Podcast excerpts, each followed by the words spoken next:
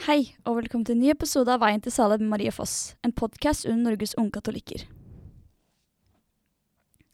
Katolsk feminisme et tabubegrep?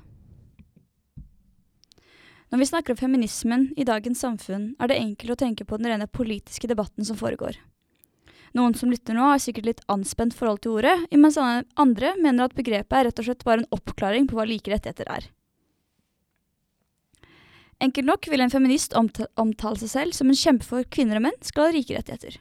Feminismen handler om at kvinnen skal kunne bevege seg innenfor samfunnet med samme rettigheter og respekt som en mann.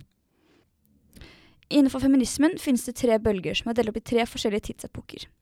Her finner vi forskjellige debatter om samfunnsproblemer som har blitt tatt opp i løpet av årene.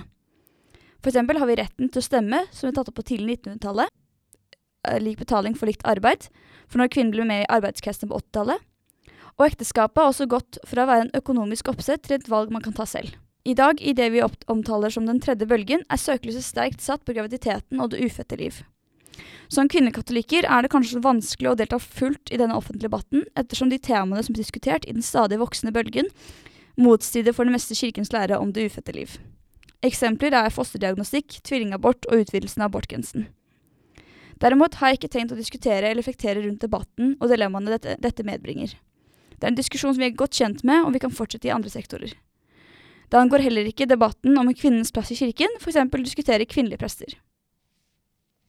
Jeg vil heller rette blikket mot selve begrepet. I de fleste ganger vi opplever ordet blir tatt opp, er det som om med en gang hevder at det vil skille kvinnen fra ekteskapet og endre hele strukturen på kirken. Det blir ansett som noe som symboliserer radikalisme og nesten revolusjonerende utsagn. Derimot har det i de senere årene blitt et utvidet begrep i mange ungdomskretser innen den katolske kirke. Det amerikanske Instagram-kontoen og bloggen The Catholic Feminists er startet av Claire Swinski, diskuterer og tar opp spørsmål og går i dybden av den katolske troen ved å omformule begrepet feminisme, som er så stort i det sekulære samfunnet. Fordi feminisme må ikke være bare blåhårede kvinner som brenner alt det de ser og skriker i ansiktet ditt om du bruker feil personlig pronomen. Det er også det å bli inspirert av de tusenvis av kvinnene, helgenene, som fulgte Gud og økte sin dyd, som vi kan bli inspirert av å følge. Sor Juana Inés de la Cruz var en meksikansk nonne på 1600-tallet, men hun var en kvinne med umåtelig kunnskap. Hun var datterdatter av en adelsmann, og istedenfor å gifte seg gikk hun heller inn i kloster for å kunne fortsette sin lesning. Med tanke på kirkens aktive rolle i samfunnet under den spanske koloniseringen i Mexico, kan man sikkert tenke seg at det var en ren samfunnsrelatert konvertering til klosterlivet. Men uansett hvilke forutsetninger hun hadde, fikk hun fortsette sin skriving, dikting og språkforskning. Da hun etter hvert ble oppfordret til å gå vekk fra sin skriving og be, svarte hun heller Gud hadde ikke gitt kvinnen intellekt om han ikke ville at hun skulle bruke den. Hvis dette nå skulle være et grunnlag til å tro at dette er en fiendtlig innstilling til kvinners ideal om kyskhet, er det feil. Kyskhet er ingen motsetning til feminismen, men helt et utgangspunkt for å inkludere troende kvinner innenfor bevegelsen. Kyskhet er uansett et felleskall. Plagget mantilla er en hodebekledning som oftest laget av blonder, som dekker til kvinners hode og hjelper oss å blokkere sidesynet i messen, slik at det som er i sentrum, er alteret, altså Gud. Men selv i denne oasen av å kunne praktisere dyd og er en mulighet til å fokusere på Gud, blir også kyskheten utsatt for urettferdighet og trakassering. Meme-kontoen Traditional Catholic Millennials skrev under et innlegg som viste tre bilder ikledd mantilla foran et alter, og skriver Ser du at det er en bra katolsk mann? Ha på deg mantilla. Og fortsatte deretter med flere kommentarer på skjøtet av plagget. Mantillaen er et symbol på en kvinners hengivenhet til Gud og ingen andre. Det er et plagg som gjør en oppmerksom på det viktigste i en messe, er det, er det som skjer deg, mellom deg og Gud. Det er et plagg som utelukker alle for å fokusere på det som er mest viktig. Fordi en kvinnes kyskhet burde ikke være dømt overfor om hun kler seg i jeans eller skjørt i søndagsbøssene. For det er hennes hjerte er det ingen som kjenner til. Det er bare Gud.